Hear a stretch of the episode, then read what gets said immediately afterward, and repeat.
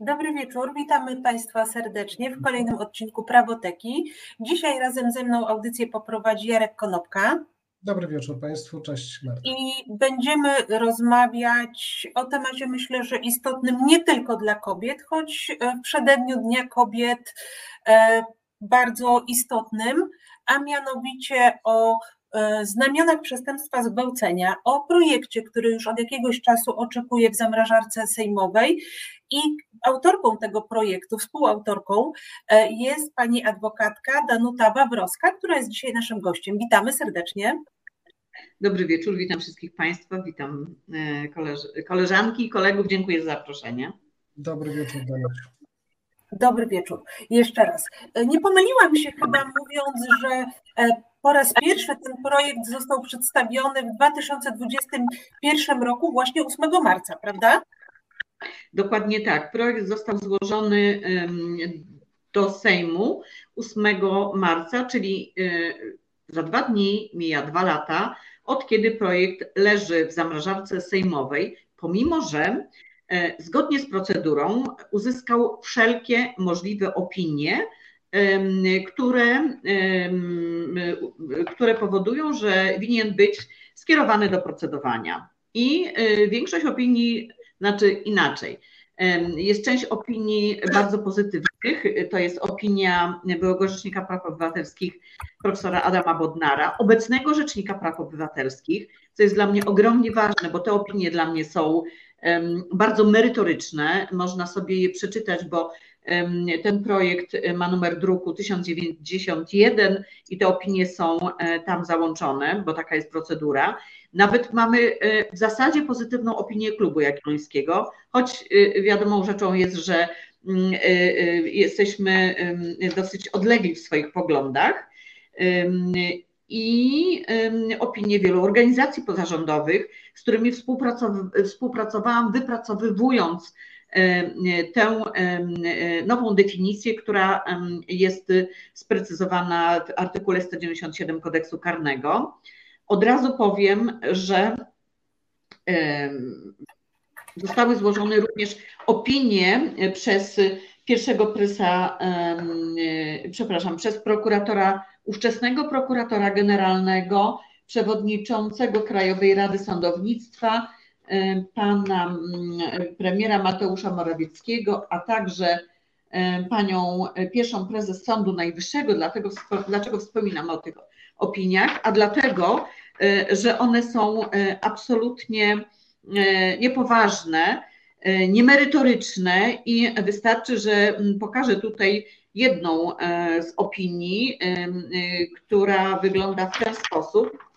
Jest to opinia prokuratora generalnego pana Bogdana Święczkowskiego. Opinia do projektu ważnej ustawy związanej z prawami kobiet jako prawami człowieka jest e, e, negatywna i e, w jednym zdaniu pan prokurator generalny pisze, że projekt nie zasługuje na akceptację, bo narusza zasady prawa karnego oraz spójność systemową zawartą w rozdziale 25.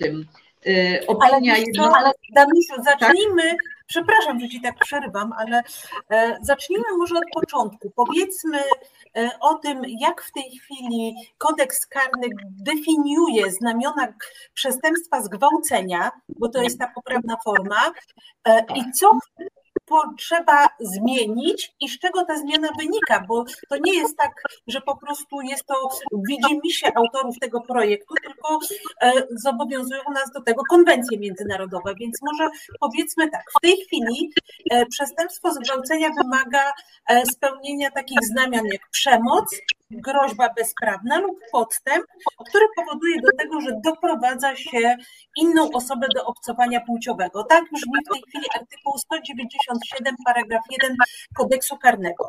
Powiedz mi, co chcecie zmienić i dlaczego? Już mówię. E, obecny przepis kodeksu karnego w, swojej, w swoim brzmieniu został sformułowany prawie 100 lat temu i wprowadzony do kodeksu karnego w 1932 roku. Dokładnie takiej formule, jak my dzisiaj, e, jak, jaka obowiązuje dzisiaj. Więc e, chociażby z tego powodu że my się zmieniliśmy jako społeczeństwo, upłynęło prawie 100 lat, ta definicja, czy ten przepis, przepis powinien być redefiniowany na nowo. To jest po pierwsze. Po drugie, jesteśmy sygnatariuszami konwencji międzynarodowych, o których wspomniałaś. To jest konwencja rzymska, konwencja CEDAW, a także konwencja stambulska, którą Polska podpisała i ratyfikowała. I ta ostatnia e, nakłada obowiązek dostosowania e, definicji zgwałcenia, które jest w kodeksie karnym obecnie obowiązującym, do standardów takich, jakie Polska podpisała i ratyfikowała, e, a mianowicie zastąpienie to, co dzisiaj jest w kodeksie karnym, domniemania zgody, domniemaniem braku zgody. I to jest naprawdę bardzo istotne, bo w tej chwili te elementy, o których byłaś uprzejma powiedzieć, są, nakładają na ofiarę obowiązek udowodnienia, że się broniła, że krzyczała, że był to, że, że stawiała opór. Tak, tak, Dokładnie tak. I e, w momencie, kiedy brakuje tych elementów, to właściwie nie ma przestępstwa. Mało tego, ja z mojej praktyki zawodowej wiem, że w momencie, kiedy ofiara się skutecznie obroniła, to w ogóle nawet nie wszczynają postępowania organy do tego powołane, mówiąc, no, no ale co się stało, pani się obroniła. Rozumiecie? Więc y, ten wektor musi zostać przeniesiony z domniemania zgody na domniemanie braku zgody. I to jest jakby podstawa do Y, I to była podstawa do mm, nowego sformatowania brzmienia artykułu 197. I tak jak on brzmi w tej chwili, kto przemocą, groźbą bezprawną lub podstępem doprowadza inną osobę do obcowania płciowego, to y, nowy zapis, czyli zapis w nowym brzmieniu, brzmi następujące. Kto doprowadza inną osobę do obcowania płciowego bez wcześniejszego wyrażenia świadomej i dobrowolnej zgody przez tę osobę podlega karze i tam również jest podlega karze. A więc e, jest to, e, jest to zmiana dosyć istotna. E, kładziemy w tym projekcie nacisk na zgodę. Brak zgody jest po prostu gwałtem. I to by chyba, chyba było dosyć proste do wprowadzenia, bo myślę, myślę bo y, mówisz tutaj, Danusiu, o, o takim typie podstawowym tak zwanym, to znaczy tak dla Państwa już, żeby wyjaśnić taki mm, podstawowy opis tego czynu, prawda, ale można by było przecież wprowadzić typu, y, no nie mówię o, broń Boże, o uprzywilejowanym, ale o typie, który by kodyfikował mm, zupełnie inne zachowania, również y, zawarte w definicji czy w znamionach dzisiejszego przestępstwa zgwałcenia, prawda? Można by było to, mm, to w, ten sposób, w ten sposób skodyfikować, żeby te znamiona polegające na, y, na przemocy, y, czy na groźbie, czy na wykorzystanie podstępu, podstępu, również zawrzeć w przepisie nowego artykułu 197, więc on by nie wykluczał, mógłby nie wykluczać, czy mógłby nie wykluczać tych znamion, które dzisiaj są. Natomiast wprowadzałby na pewno szersze, szerszą definicję, łatwiejszą, no, przynajmniej łatwiejszą do prowadzenia postępowań.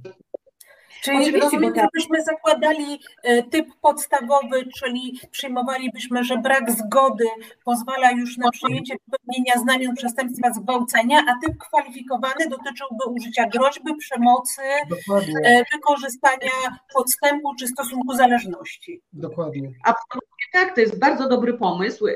Nam zależało na tym, żeby dyskusja czy debata w ogóle się rozpoczęła, bo ja mhm. też nie mówię, że jestem absolutnie E, e, najbardziej genialna, jeśli chodzi o, o sformułowanie przepisów. Mnie e, to, to wszystko, co tam jest zawarte, wynika po prostu z mojej wieloletniej praktyki zawodowej. Ja również kiedyś byłam prokuratorką, więc słuchajcie, to wszystko to jest jakby wieloletnia, to jest inaczej, innymi słowy, wynika z wieloletniego doświadczenia, a cały czas zajmuję się sprawami o charakterze przemocowym czyli przestępstwa przeciwko rodzinie i gwałty, takimi sprawami. To jest spektrum spraw, którym ja w moim życiu zawodowym się mm, zajmuję od wielu, wielu lat. A zatem doszłam do wniosku, że to są takie słabe elementy. Poza tym ja um, zauważyłam jedną rzecz, że tu jest taka ewidentna, tu już nawiązując do tego, co Marta na wstępie powiedziała, dyskryminacja kobiet i że w tym przypadku jakby prawo ma płeć, bo daję taki akademicki przykład. Dziewczyna wraca z imprezy pod wpływem alkoholu, gdzieś tam się źle poczuła po drodze, no i siada w parku na ławce, zdarza jej się, może zasypia. W tym momencie dochodzi do, e, do gwałtu. Jakiś sprawca wykorzystuje tę okazję, czyli wykorzystuje to, że ona jest pijana i że, nie wiem, śpi na tej ławce, czy leży na tej ławce, na tej ławce i y, ją gwałci. Oczywiście w takich przypadkach w sądzie jest to okoliczność obciążająca dla niej, bo um, też ja jako adwokatka wiem, że padają pytania, po co pani tam szła, dlaczego pani się upiła, dlaczego pani sama wracała i tak dalej, i tak dalej. I te okoliczności niejako wpływają na to, że e, sprawca jest e, ekskulpowany w tym zakresie, tak? No bo jakby nadarzyła się okazja. Natomiast jeżeli leży pijany facet na ławce w parku i, i złodziej mu ściągnie zegarek, to jest to okoliczność obciążająca dla złodzieja. No bo facet nie miał, bo, bo, bo ofiara tego przestępstwa nie miała świadomości, nie mogła się mhm. bronić. I teraz patrzcie, to jest tak bardzo banalny akademicki przykład, jak to prawo dyskryminuje w tym momencie kobiety, jak ten zapis artykułu 197 dyskryminuje kobiety, bo to one muszą uważać, jak się ubierają, jak się zachowują, e, czy, czy, czy, czy muszą uważać, żeby nie wypić za dużo, ale nikt nie zwraca uwagi na to, że e, no, mężczyźnie nie czyni się takich uwag. Ja tutaj jestem bezlitosna, pomimo że przestępstwo zgwałcenia nie dotyczy tylko kobiet, tak? No Natomiast no właśnie, o tym chciałam powiedzieć, że ja przeczytałam taką, przeczytałam taką statystykę, że o ile w przypadku kobiet to średnio jedna na 10 zgwałconych kobiet zgłasza się do organów ścigania i składa zawiadomienie, to w przypadku mężczyzn jest to jedna na 20 ofiar. Czyli to też pokazuje chyba taką olbrzymią dysproporcję, no bo myślę, że możemy mówić wprost, że tak samo mężczyźni są narażeni e, na na to, że mogą być ofiarą zgwałcenia, jak e, i, i kobiety. I myślę, że im jeszcze jest trudniej e, zgłosić się do organów ścigania, a jeszcze w przypadku, jeżeli nie zostali ciężko pobici przez sprawcę czy sprawczynię, e, nie została utrwalona jakaś groźba, czy ten podstęp nie był wyraźny, to ich sytuacja chyba jest jeszcze bardziej trudna, żeby wykazać, że, że byli ofiarą właśnie tego przestępstwa. Ja w tych moich opracowaniach, które, które posłużyły mi do, do przygotowania tego projektu, korzystałam e, z badań prowadzonych przez Fundację Feminoteka. I jeszcze kiedyś przez Ministerstwo Sprawiedliwości, bo od wielu, wielu lat Ministerstwo Sprawiedliwości się tym po prostu nie zajmuje, nikt takich badań nie robi badań empirycznych, bo to faktycznie trzeba, trzeba badać sprawy, które były prowadzone. Natomiast feminoteka się, i to są takie badania statystyczne, które były opublikowane w 2014 roku, więc dosyć dawno, prawie 10 lat temu. Niemniej jednak z tych badań wynika, że co 40 gwałt na mężczyźnie jest zgłaszany w tym czasie. Natomiast tak, i, i o tyle jest trudniej, że no jesteśmy raczej homofobicznym społeczeństwem, niestety. To, jest, y, to, to, są, to wynika również z badań.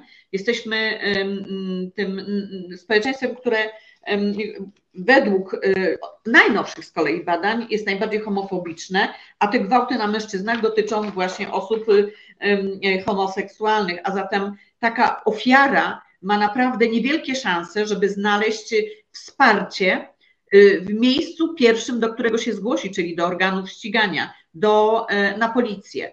Mogę sobie to wyobrazić, czym taka ofiara, czyli mężczyzna się spotka. Mm, podobnie, podobnie rzecz się ma e, z kobietami, e, naprawdę, zwłaszcza z młodymi dziewczynami. Coraz częściej dzisiaj, bo zaczynamy o tym mówić, jestem z tego dumna, że przy okazji złożenia tego projektu zaczęliśmy naszą osobistą kampanię społeczną. Coraz częściej zaczynamy jeszcze na bazie mitu mówić o tym, o tej przemocy seksualnej wobec kobiet. E, popatrzcie mm, na ostatnie doniesienia e, medialne dotyczące jakby wyautowania się ofiar przestępstw zgwałcenia. E, ja jestem teraz pod ogromnym wrażeniem tego, co usłyszałam wczoraj w jednej z telewizji, że dziewczyna będąca w klubie sportowym łuczniczym chyba, była gwałcona przez swoich trenerów jako nastolatka. I minęło 7 czy 8 lat i ona dopiero teraz o tym mówi. Dlaczego teraz? No właśnie dlatego, że te ofiary przestępstwa zgwałcenia nie czują, że nasze państwo i nasze przepisy są i, i narzędzia, które stosują wszyscy mm, w tym, w tym postępowaniu przygotowawczym, że je chroni, że daje im nadzieję, czy że pozwoli na to, żeby sprawca mógł być, żeby innymi słowy, inaczej powiem, żeby, e, żeby ona była jako ofiara otoczona należytą opieką, żeby ofierze zaufano, żeby jej nikt nie wyśmiał, żeby jej nikt nie odesłał i żeby w końcu e, osobom, których, e, których ona oskarża, czy sprawcy, którego ona wskazuje, żeby wobec nich wszczęto procedury i zgodnie z procedurami przeprowadzono postępowanie, doprowadzając oczywiście do procesu sądowego. Żeby do tego doszło, to sama Marto o tym wiesz, muszą być dobrze zabezpieczone dowody, czyli ten materiał, to postępowanie przygotowawcze musi być zrobione naprawdę solidnie, rzetelnie i uwaga, obiektywnie. E, jeżeli tego nie ma, to e, nie ma szans na to, żeby sąd skazał, no bo mamy zasadę domniemania niewinności, skazał sprawcę przestępstwa zgwałcenia. Natomiast jeżeli e, na etapie postępowania przygotowawczego nie zastosuje się właściwych narzędzi i nie pochyli się w sposób odpowiedni nad e, ofiarą będącą przestęp, dotkniętą przestępstwem zgwałcenia, to po prostu będziemy tkwili dalej w takim zaklętym kręgu niemożności, bo my wiemy, że coś się zadziało, ale jesteśmy, nie jesteśmy w stanie e, bez wsparcia czy bliskich osób, czy życzliwych, ja już na to się powołuję, osób, bo tacy też są, ale mówię, jest ich mało, wśród funkcjonariuszy policji, którzy większość czynności prowadzą, E, doprowadzić do procesu sądowego, czyli skutecznie wnieść akt oskarżenia. Ale wiesz co, ja mam takie wrażenie, patrząc na, na to, co dzieje się obecnie, że nastąpiła taka du duża zmiana w sposobie myślenia E, i reagowania na takie sytuacje. I chyba sfera sportu jest takim też e, taką sferą, gdzie ostatnimi czasy ujawniono wiele e, zachowań, które wypełniają znamiona bądź nadużycia tego stosunku zależności, bądź właśnie podstępu i że zaczynamy o tym mówić i jest coraz większa uwaga społeczna, żeby nie godzić się z takimi zachowaniami. I myślę, że to jest kwestia też jakiejś dojrzałości społeczeństwa, przynajmniej ja to tak postrzegam w tej chwili, że jesteśmy coraz bardziej uwrażliwieni na to i mam nadzieję, że tak jak ta e, świadomość społeczna wzrasta, e, to tak samo e, świadomość organów państwa, które są powołane do tego, żeby przeciwdziałać i wyjaśniać te sprawy, wzrasta również. Przynajmniej tak miałabym życzenie patrząc na to. Nie wiem, jakie jest Twoje doświadczenie, Jarek, bo Ty też masz doświadczenie w pracy jako prokurator, prawda? No, wprawdzie, wprawdzie dosyć dawno temu, ale, ale jednak. Natomiast większe, dużo większe doświadczenie już zostałem w, w sprawach o przestępstwa z, czy z artykułu 197, czy kolejnych przeciwko wolności seksualnej. Ale ja tak myślę, myślę jeszcze o tym, o tym, jak ważnym i cennym byłoby wprowadzenie nowych znamion czynu, czy nowych znamion rozszerzenia znamion e, przestępstwa zgwałcenia, które pozwoliłoby, zauważcie, na ściganie sprawców przestępstw przeciwko wolnościom seksualnym dokonywanym w małżeństwie lub w związkach partnerskich. Bo bardzo często, bardzo często, no nie wiem czy bardzo często, ale mamy do czynienia, rozpoznając chociażby zażalenia na, na, na decyzje organów ścigania, na te, na te umorzenia postępowań, że odmawia się lub umarza postępowania w sprawach, w których było zawiadomienie o, chociażby o przestępstwie zgwałcenia w małżeństwie, tak? gdzie nie było, nie, no przecież nie było przemocy, no przecież nie było podstępu, no przecież nie było groźby, tak? A w ogóle to ja przepraszam, że, że tak trochę trywializuję, ale, ale tak to nieraz, nieraz wygląda z tych uzasadnień e, umorzeń, umorzeń śledztw. E, no przecież to jest obowiązek, tak? Czyli czynność seksualna w małżeństwie jest obowiązkiem, ergo nie możemy mówić o przestępstwie. Natomiast zmiana ja... znamion, znamion czynu, e, czynu proponowane przez, e, prze, przez Was, przez Państwa, dałoby ogromne możliwości na to, żeby no przynajmniej ścigać, już nie mówię o wskazaniu, no ale to, to, to jakby jedno z drugim jest skorelowane, prawda? Ja jeszcze tylko dodam, że wszystkie badania dotyczące wiktymizacji tego czynu wskazują, że właśnie większość, w większości przypadków ofiara zna sprawcę. Bardzo często jest to partner lub były partner, a do przestępstwa dochodzi e, w czterech ścianach własnego domu lub domu tego byłego partnera. Właśnie dlatego mówimy o doświadczeniu, prawda?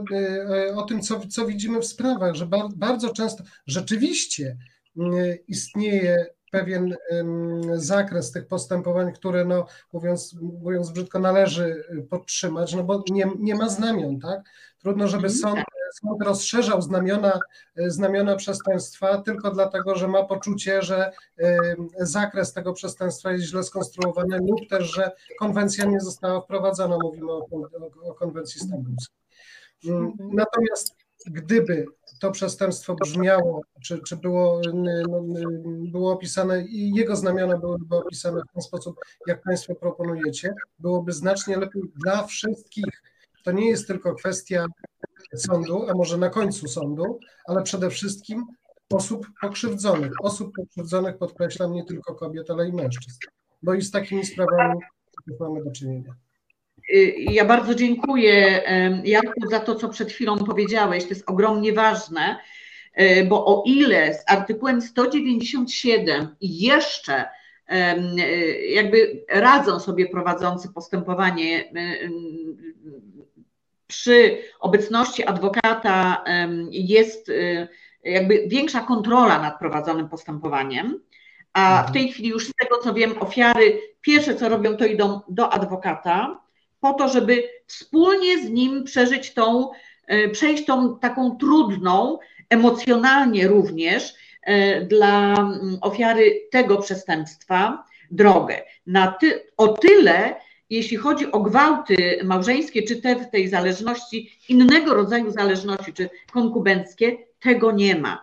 I tam e, jest to o wiele bardziej trudne przy dzisiejszym sformułowaniu przepisów, więc y, w momencie, kiedy ten wektor się zmieni na brak zgody, po prostu brak zgody, będzie to prostsze i po pierwsze dla ofiar, że y, znajdą w sobie siłę i odwagę na zgłoszenie. Dla prowadzących postępowanie na poważne, ja mówię o tym etapie postępowania przygotowawczego dochodzenia, na poważne potraktowanie zgłoszenia, a dla sądu dadzą narzędzia, żeby móc w sposób należyty ocenić. Bo w tej chwili sąd nie ma takich narzędzi, bo mhm. to sformułowanie, które jest, nie daje sądowi narzędzi do właściwej oceny y, tego przestępstwa i y, ewentualnie wymierzenia kary. To jest jakby pierwsza i zasadnicza sprawa. W tym momencie chciałabym jeszcze nawiązać do tego, co mi się wydawało ogromnie ważne, i to też było takie przedyskutowane z tymi e, organizacjami pozarządowymi, które się zajmują przemocą i udzielają pomocy, między innymi ofiarom gwałtów, mówię, myślę tutaj o Feminotece, z którą bardzo ściśle współpracowałam. E, to jest również zmiana tytułu rozdziału 25, że na, ta pierwsza część zostaje niezmieniona, przestępstwa przeciwko wolności, ale już druga jest inna. Nie ma obyczajności, tylko autonomii seksualnej. Bo co to znaczy mhm. dzisiaj obyczajności? W momencie, kiedy ja zaczęłam czytać jeszcze raz, bo to, to, to się czyta milion razy przy opracowaniu takich, znaczy takiej koncepcji zmiany przepisów, każde słowo się waży. I myślę sobie, a dlaczego tam jest obyczajność? Co to znaczy obyczajność w XXI wieku, tak? Jaki związek ma treść artykułu 197 z obyczajnością? No nie wiem, jakby tego związku nie mogłam znaleźć. Chyba wiem, Wiesz, tak? Więc ta autonomia seksualna, czyli podmiotowość ofiary jest ogromnie ważna. I doszłam do wniosku, y, że autonomia seksualna jest o wiele bardziej w tej chwili właściwym sformułowaniem niż ta obyczajność. Czyli ten tytuł, już zmieniony tytuł, też daje taką, y, przestawia wektor na, y, na to, żeby jakby zwrócić uwagę, że ta ofiara jest tutaj też ważna, tak? Że są to przestępstwa przeciwko wolności i autonomii seksualnej. Czyli nie, nie wyrażam zgody, nie dotykaj mnie. Zgodą, ze zgodą wiąże. Ale wiecie co, e, ja będę drążyć trochę, bo przeczytałam sobie artykuł 36 konwencji stambulskiej, E, gdzie jest wyrażona ta definicja zgody. I konwencja mówi tak, zgoda musi być udzielona dobrowolnie, jako wyraz wolnej woli, co należy oceniać w świetle danych okoliczności. E, czy nie widzicie takiego, takiej obawy, że jak sądy zaczną oceniać te dane okoliczności, czy zgoda była, czy tej zgody nie było, to wejdziemy w jeszcze jakieś takie bardziej kuriozalne ustalanie, e, jak ofiara była ubrana, jak się zachowała, czy taki czy inny gest mógł e, być tą zgodą, czy też nie. Ja po prostu tutaj zastanawiam się, jak e, my sobie poradzimy jako prawnicy z tym w praktyce, czy jednak ocenianie tych e, w świetle tych danych okoliczności nie doprowadzi do jakichś kuriozalnych postępowań dowodowych, E, próbujących ustalić, czy ta zgoda została dorozumianie wyrażona, czy też nie. Jak się na to zapatrujecie? Ja bym nie widział taki, takiego zagrożenia. Ja myślę, że, przepraszam Danusiu, bo pytanie... Nie, bardzo, powiedz, ja jestem bardzo ciekawa tego, co ty jako sędzia praktyk nie, nie, bardzo... Wiesz, ja, ja zresztą z, tym, z tym o, czym, o czym Marta mówi, o co nas pyta, ja się spotkałem na, na jednym z, z, z tutaj lokalnych E, spotkałem się z lokalnym, na spotkaniu. E, takie, takie pytanie padło rzeczywiście. Jeżeli dopuścimy do, do rozszerzenia znamion czy opisu czynu przestępstwa. Na tak, to jest zgoda, nie, ergo nie mamy do czynienia z przestępstwem, czy to nie skomplikuje sytuacji sądu? Ja powiedziałem Y, oczywiście wypowiadam się no, no, wyłącznie na podstawie mojej jakiejś tam nie, niewielkiej wiedzy i doświadczenia, ale jednak wydaje mi się, że nie, bo postępowanie dowodowe prowadzone będzie dokładnie w ten sam sposób, tylko będziemy badać, czy zgoda była, czy nie.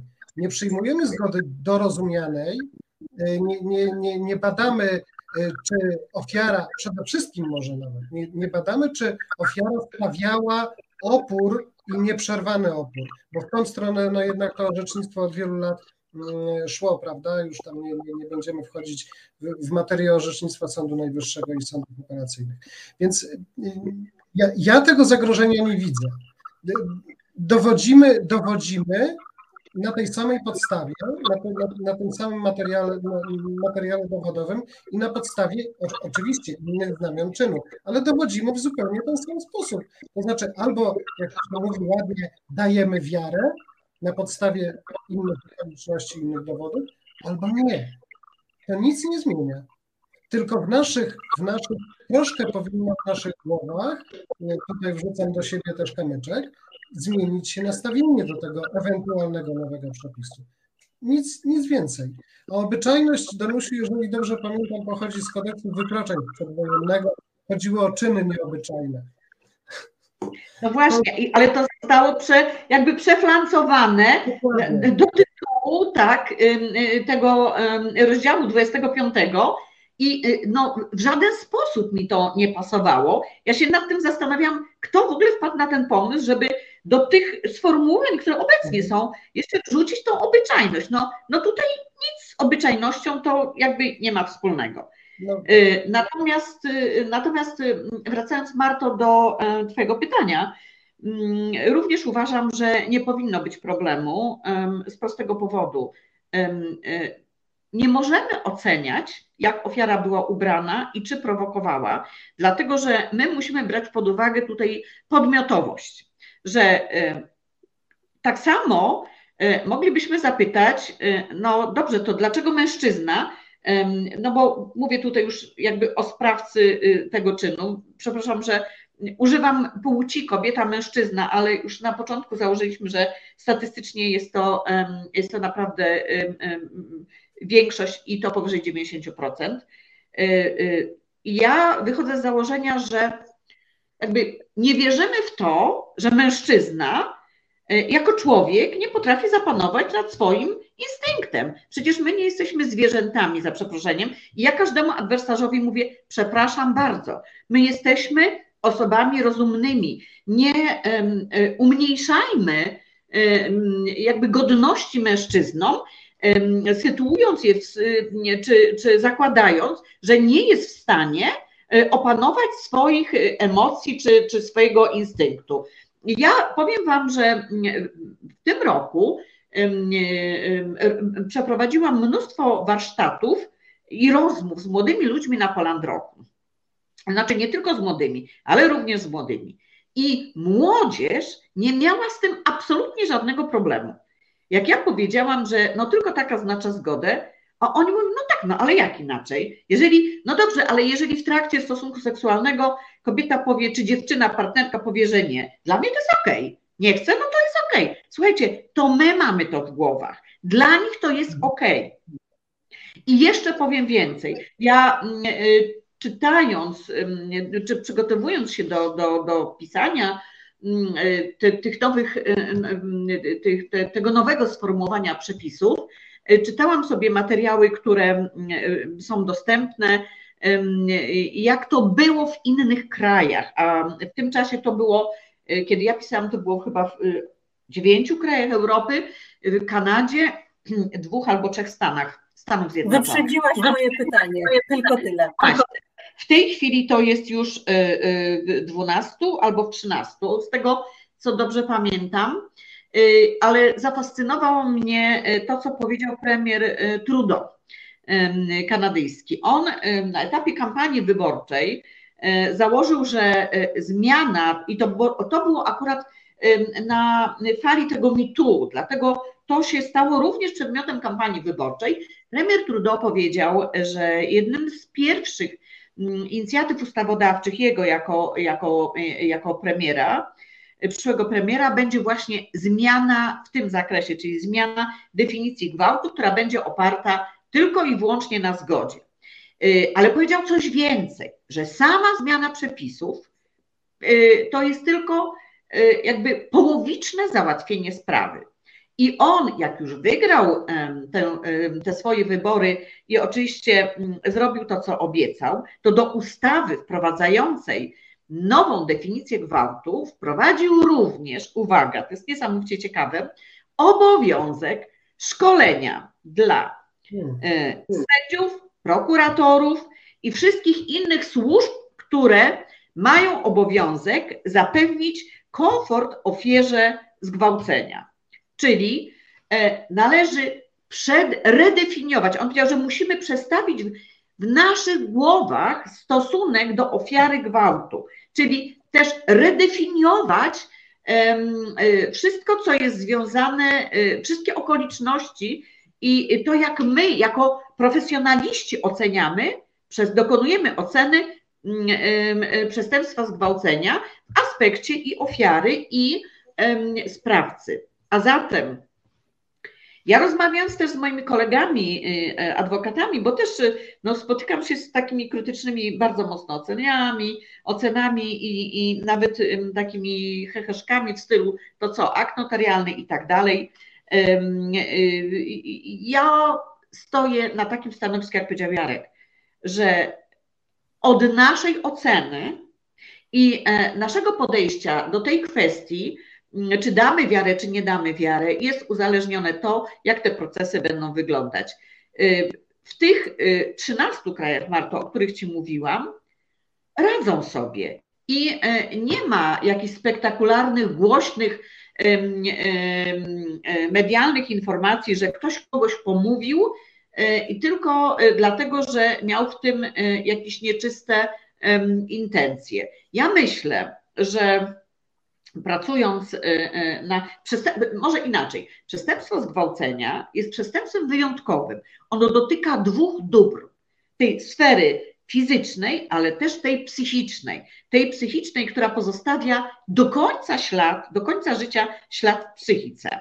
Wiemy o tym właśnie po y, tych wszystkich coming, y, coming outach, które mamy y, ofiar pedofilii, a także gwałtów i innych czynów przeciwko wolności seksualnej w klubach sportowych, o których w ostatnim czasie dużo się mówi. Ofiary y, mitu, czyli tego y, znanego hollywoodzkiego producenta, którego nazwiska nie chcę wymieniać, też wiele lat czekały na to, żeby powiedzieć, że one też były e, zgwałcone, że, że były zmuszane do tych czynności seksualnych nieakceptowalnych albo niechcianych. Ale w końcu się odważyły, e, bo to coś, to co jest w psychice, to pozostaje do końca życia. I teraz ja mówię tak, a contrario. No dobrze, to teraz taka y, osoba, która by kogoś pomówiła, Jestem przekonana, że w przypadku wątpliwości mamy zawsze możliwość przebadania, y, czyli rozmowy z psychologiem, z psychiatrą, y, również dokonania specjalistycznych badań z narzędziami, które tylko i wyłącznie ci specjaliści E, posiadają, bo my też nie możemy, czyli wy jako sędziowie ocenić, my możemy dać wiarę bądź nie, ale też po, po, po zachowaniu, po reakcjach, na podstawie opinii możemy to ocenić. Ja myślę, że mm, w momencie, kiedy będziecie już jako sędziowie orzekać, to zostaniecie wyposażeni w dodatkowe narzędzia, które Wam pozwolą wyeliminować te przypadki, co do których tutaj część się obawia, że mogą być przez byłą żonę czy byłą kochankę oskarżani, że kiedyś tam do takiego e, przestępstwa w świetle e, tej,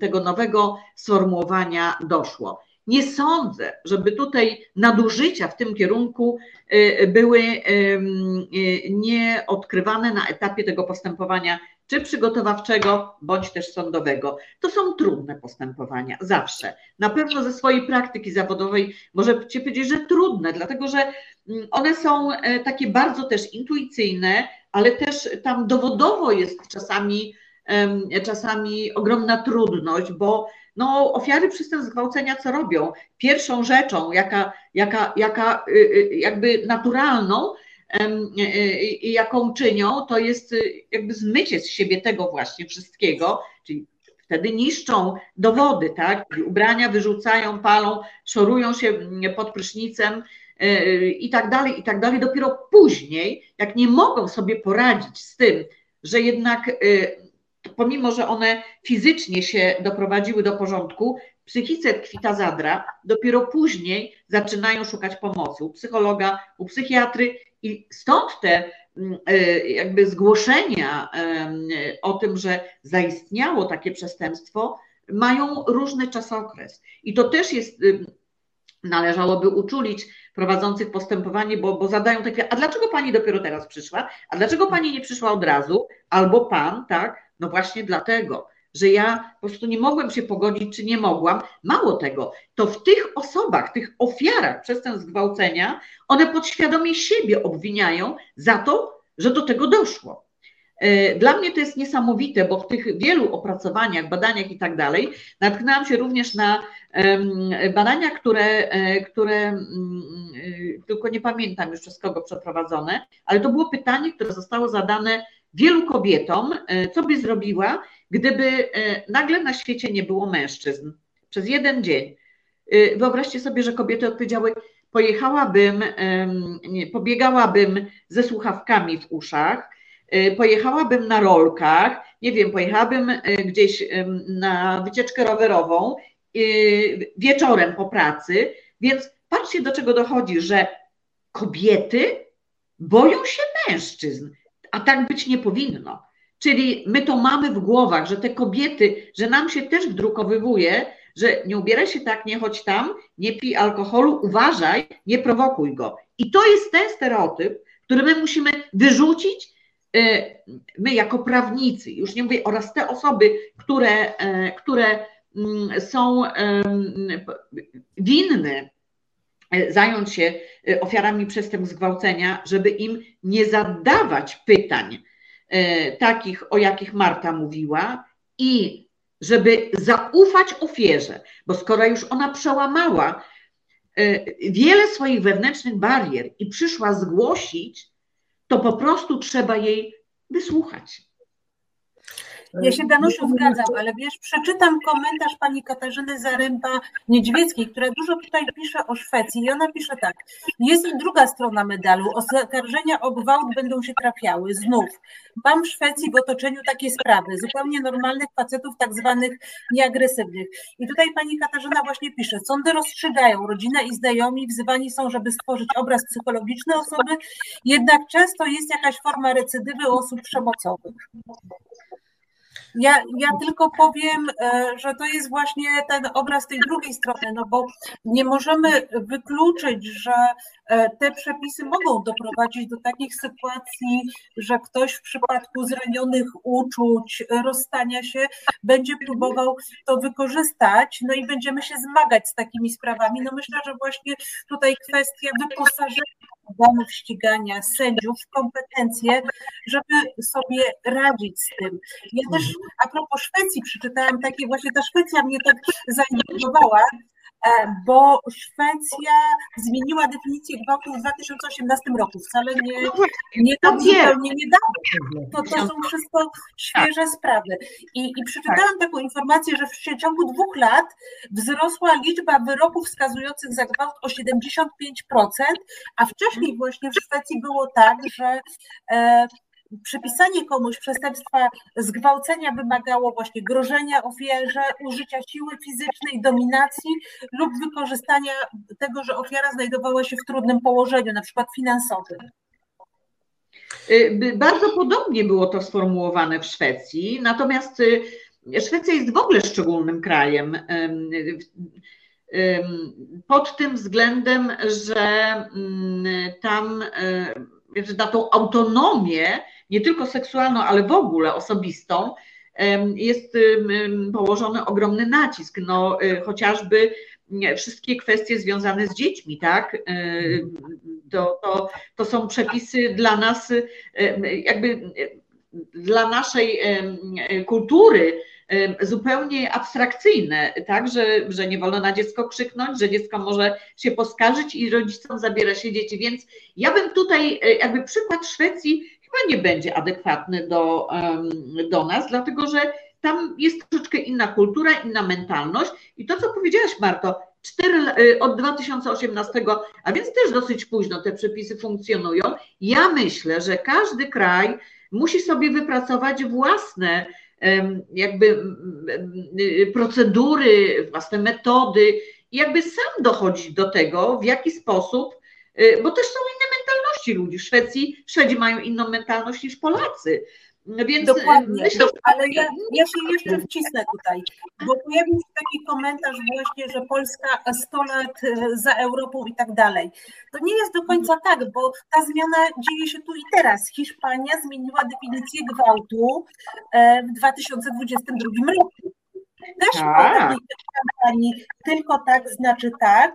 E, był to wtedy dziesiąty kraj w Europie, także e, myślę, że, że to nie jest do końca tak, że my jesteśmy takim zacofanym krajem, tylko to jest właśnie czas na tę dyskusję. Tak jak powiedziałaś, e, Hiszpania, Hiszpania w 2022 roku była dziesiątym krajem, a w tej chwili już mamy 12 krajów, czyli tak naprawdę ta zmiana dokonuje się, można powiedzieć, tu i teraz na naszych oczach, prawda?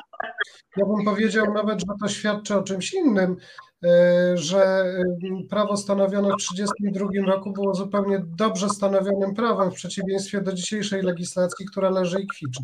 Ale to tak na, na, na marginesie.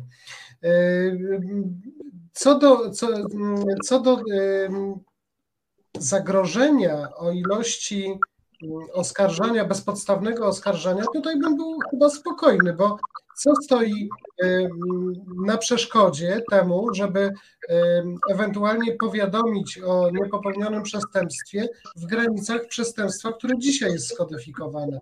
Czy zmiana znamion czynu, jego rozszerzenia spowoduje automatycznie ilość, zwiększenie ilości zawiadomień o niepopełnionym przestępstwie? Chyba nie, chyba nie o to chodzi, ale to, co Danusia powiedziałaś, bardzo istotne, to znaczy wytworzenie mechanizmów obronnych, ale i tak zwanych bezpieczników dla wszelkich instytucji, które są powołane do tego ścigać, skazywać, prowadzić postępowania i prowadzić pomoc, nieść pomoc dla, dla, dla ofiar, tak? To jest bardzo istotne. To znaczy te bezpieczniki poprzez wprowadzenie czy, ty, czy typu szkoleń, bo to również jest bezpiecznik dla wszystkich, dla pokrzywdzonych i dla instytucji, która prowadzi, prowadzi postępowanie na takim czy innym etapie. Pomocy dla, dla ofiar już od początku, to znaczy, nie wiem, nawet obligatoryjny psycholog. Ja wiem, że to jest dzisiaj mrzonka, bo z psychologami, psychiatrami jest, jest, jest, jest, jest tragedia. Tragedia to, to, to w ogóle jest temat na osobną, na osobną audycję. Ja bym powiedziała obligatoryjny obrońca dla każdej no, ofiary, która jest pokrzywdzona czynem o charakterze seksualnym. To mi chciałem, chciałem to jako, jako trzecie. Czyli te, te bezpieczniki dla wszystkich, proszę zobaczyć, my objęlibyśmy nie tylko y, domniemanych sprawców, którzy byliby na etapie już mm, osoby jeszcze nie podejrzanej, ale już osoby podejrzewanej, reprezentowani przez pełnomocnika lub obrońcę, począwszy od tej osoby, skończywszy na y, osobie pokrzywdzonej. To jest istotne.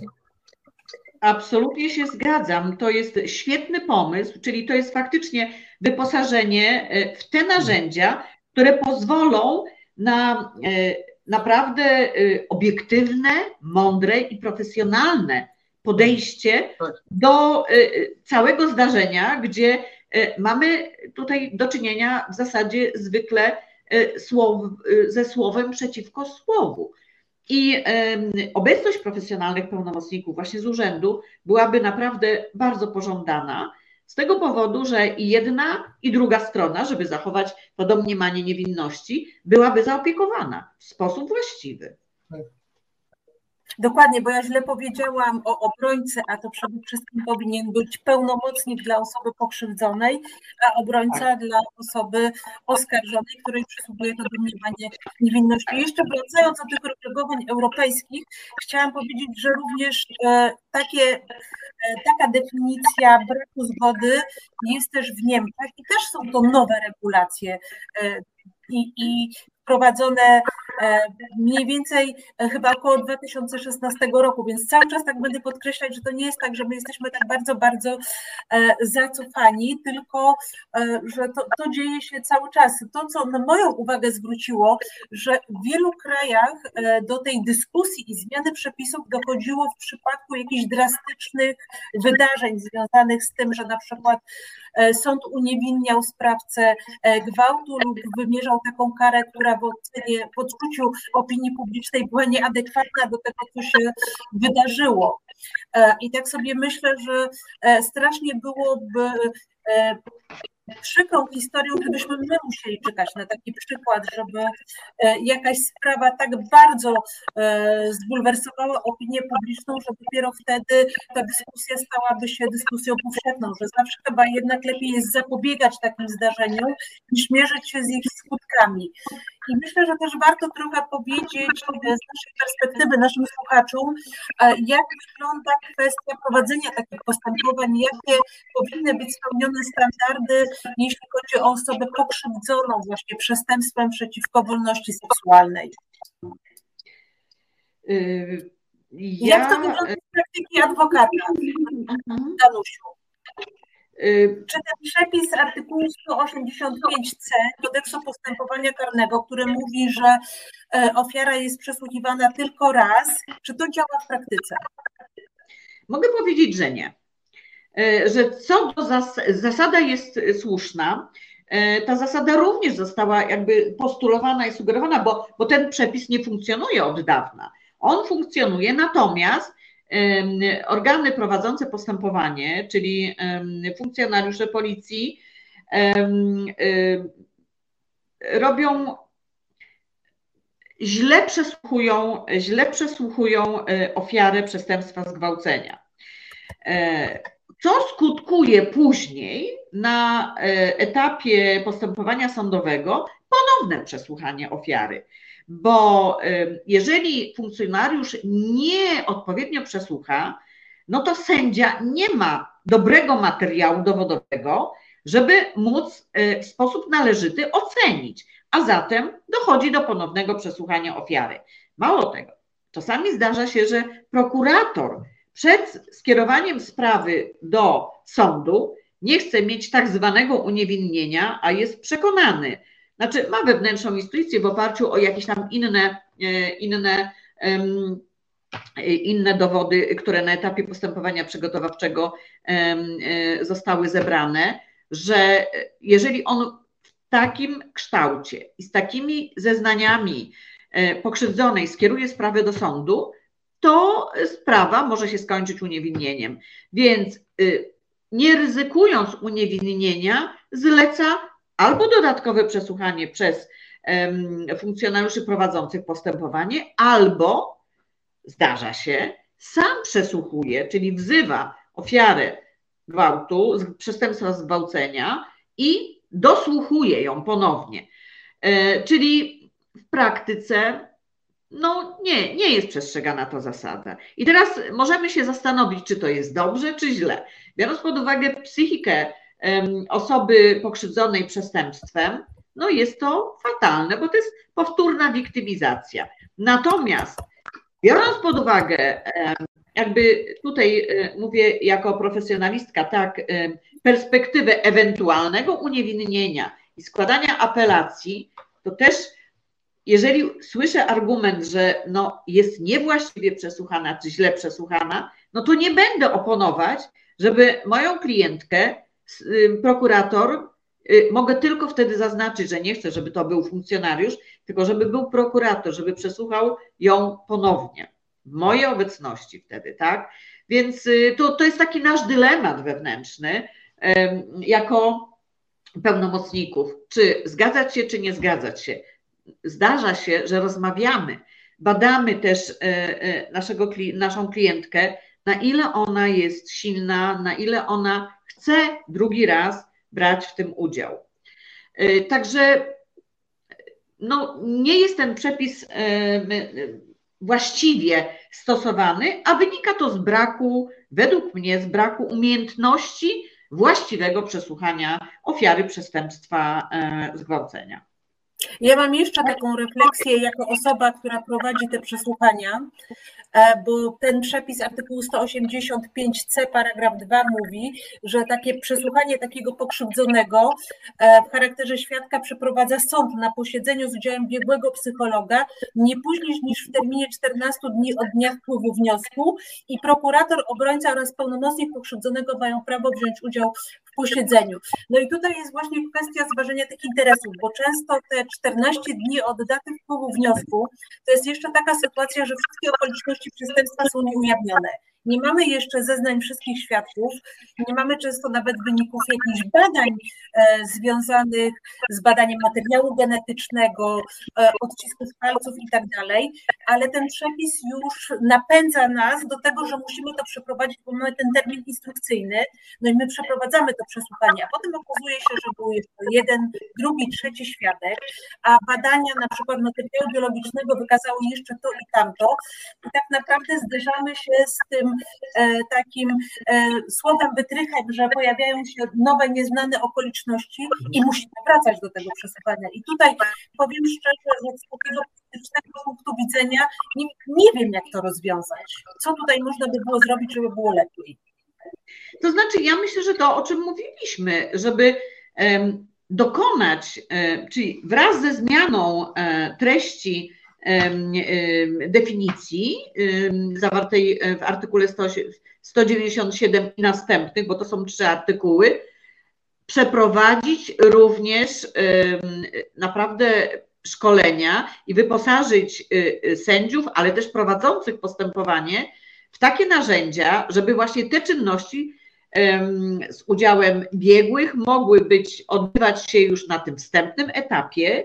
Ja wiem, że to jest trudno, bo Jarek powiedział, że psychologowie i psychiatrzy to jest y, odrębna w tej chwili historia, ale według mnie jest to chyba jedyna słuszna droga, bo mm, nikt z nas nie jest ekspertem ani ekspertką w takich sprawach. I żeby naprawdę w sposób właściwy przesłuchać, to tam potrzebne są niewątpliwie, potrzebni są niewątpliwie specjaliści z tych dziedzin. I wtedy można porządnie przesłuchać ofiarę. Natomiast ten czas, o którym mówiłaś, te 14 dni, no y, nie wiem, ja uważam, że to powinien być instrukcyjny, a nie. To jest termin instrukcyjny, tylko e, Problem polega na tym, że e, jeżeli nie dochowa się tego terminu, no to można stawiać się na zarzut nieprowadzenia tego postępowania w sposób należycie e, sprawny, na przykład. To jest jedna rzecz. E, druga rzecz, myślę, że bardzo istotna, no to jest właśnie kwestia powtarzania tych czynności, no bo każda taka sytuacja, kiedy naraża się ofiarę takiego przestępstwa na podobne przesłuchanie, to jest też taka wtórna wiktymizacja, czyli ta osoba po raz kolejny przeżywa to, co się wydarzyło i, i, też mamy świadomość tego, jak to bardzo źle działa na, ją, na jej sferę psychiczną. No to, co jest istotne, myślę, co powiedział Jarek i, i co, co ty powiedziałaś, to jest kwestia tego, że, że nas, sędziów, prokuratorów, funkcjonariuszy policji trzeba szkolić nieustająco i, i to nie jest tak, że, że raz e, wystarczy pochylić się nad tym problemem podczas aplikacji czy, czy szkolenia zawodowego. Czas nam powoli się kończy, ale zawsze staramy się jakimś pozytywnym akcentem zakończyć to, e, to, tą naszą rozmowę, e, więc Danusiu oddaję Ci głos jako naszemu gościowi.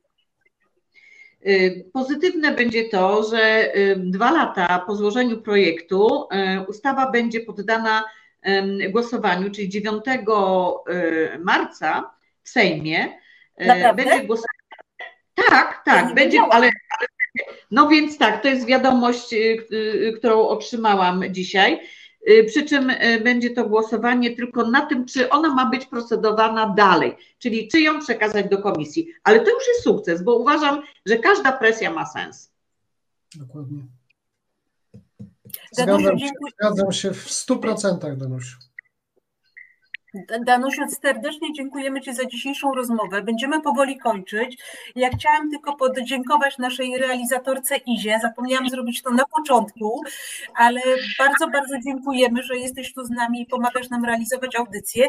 I powiem jeszcze tylko, że zbliża się Dzień Edukacji Prawnej, który obchodzimy zawsze w marcu, a dokładnie 15 marca. I myślę, że to jest dobry moment, żeby powiedzieć, że za tydzień będziemy rozmawiać o edukacji prawnej, o podnoszeniu świadomości prawnej naszego społeczeństwa, bo, bo taka jest nasza misja w tej audycji. Bardzo się cieszymy, że tak naprawdę będzie to e, nasza druga rocznica spotkań tutaj z Państwem. A ja serdecznie gratuluję, bo spotkania są fascynujące i cieszę się, że, że one są również y, odtwarzalne, czyli nawet jeśli ktoś nie miał możliwości brania udziału w audycji bezpośredniej, to ma możliwość sobie odtworzenia i to jest też forma edukacji. Także dziękuję ja, Wam za tę inicjatywę. Ja jeszcze, jeszcze przeciągnę chwileczkę. Pani Katarzyna Zaręba-Niedźwiecka napisała, zmiana definicji wymaga edukacji chłopców od przedszkola. Tak, ja myślę, że to jest bardzo, bardzo istotne, e, bo ta edukacja też e, pozwoli e, tym młodym mężczyznom, chłopcom uniknąć takich sytuacji, że będą mogli e, stanąć pod zarzutem na przykład popełnienia takiego przestępstwa, bo myślę, że tutaj ważny jest każdy punkt widzenia. Ja jestem mamą córek, więc patrzę z perspektywy przede wszystkim tutaj narażenia dziewczyn na takie przestępstwa, ale myślę, że wiele matek może obawiać się, że ich synowie na przykład zostaną niesłusznie oskarżeni o popełnienie takiego czynu. Dlatego edukacja, edukacja, jeszcze raz edukacja.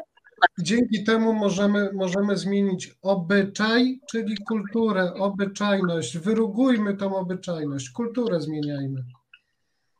I dbajmy No o autonomię. Dokładnie tak. Dbajmy o autonomię, ponieważ y, to są nasze prawa jako prawa człowieka. Tak jest. Dobrze, i Zapisane teraz już w- skończymy.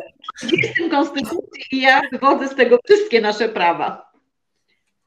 Także jeszcze raz żegnamy się z Państwem i do zobaczenia za tydzień. Do zobaczenia. Dziękuję bardzo. Dziękuję bardzo.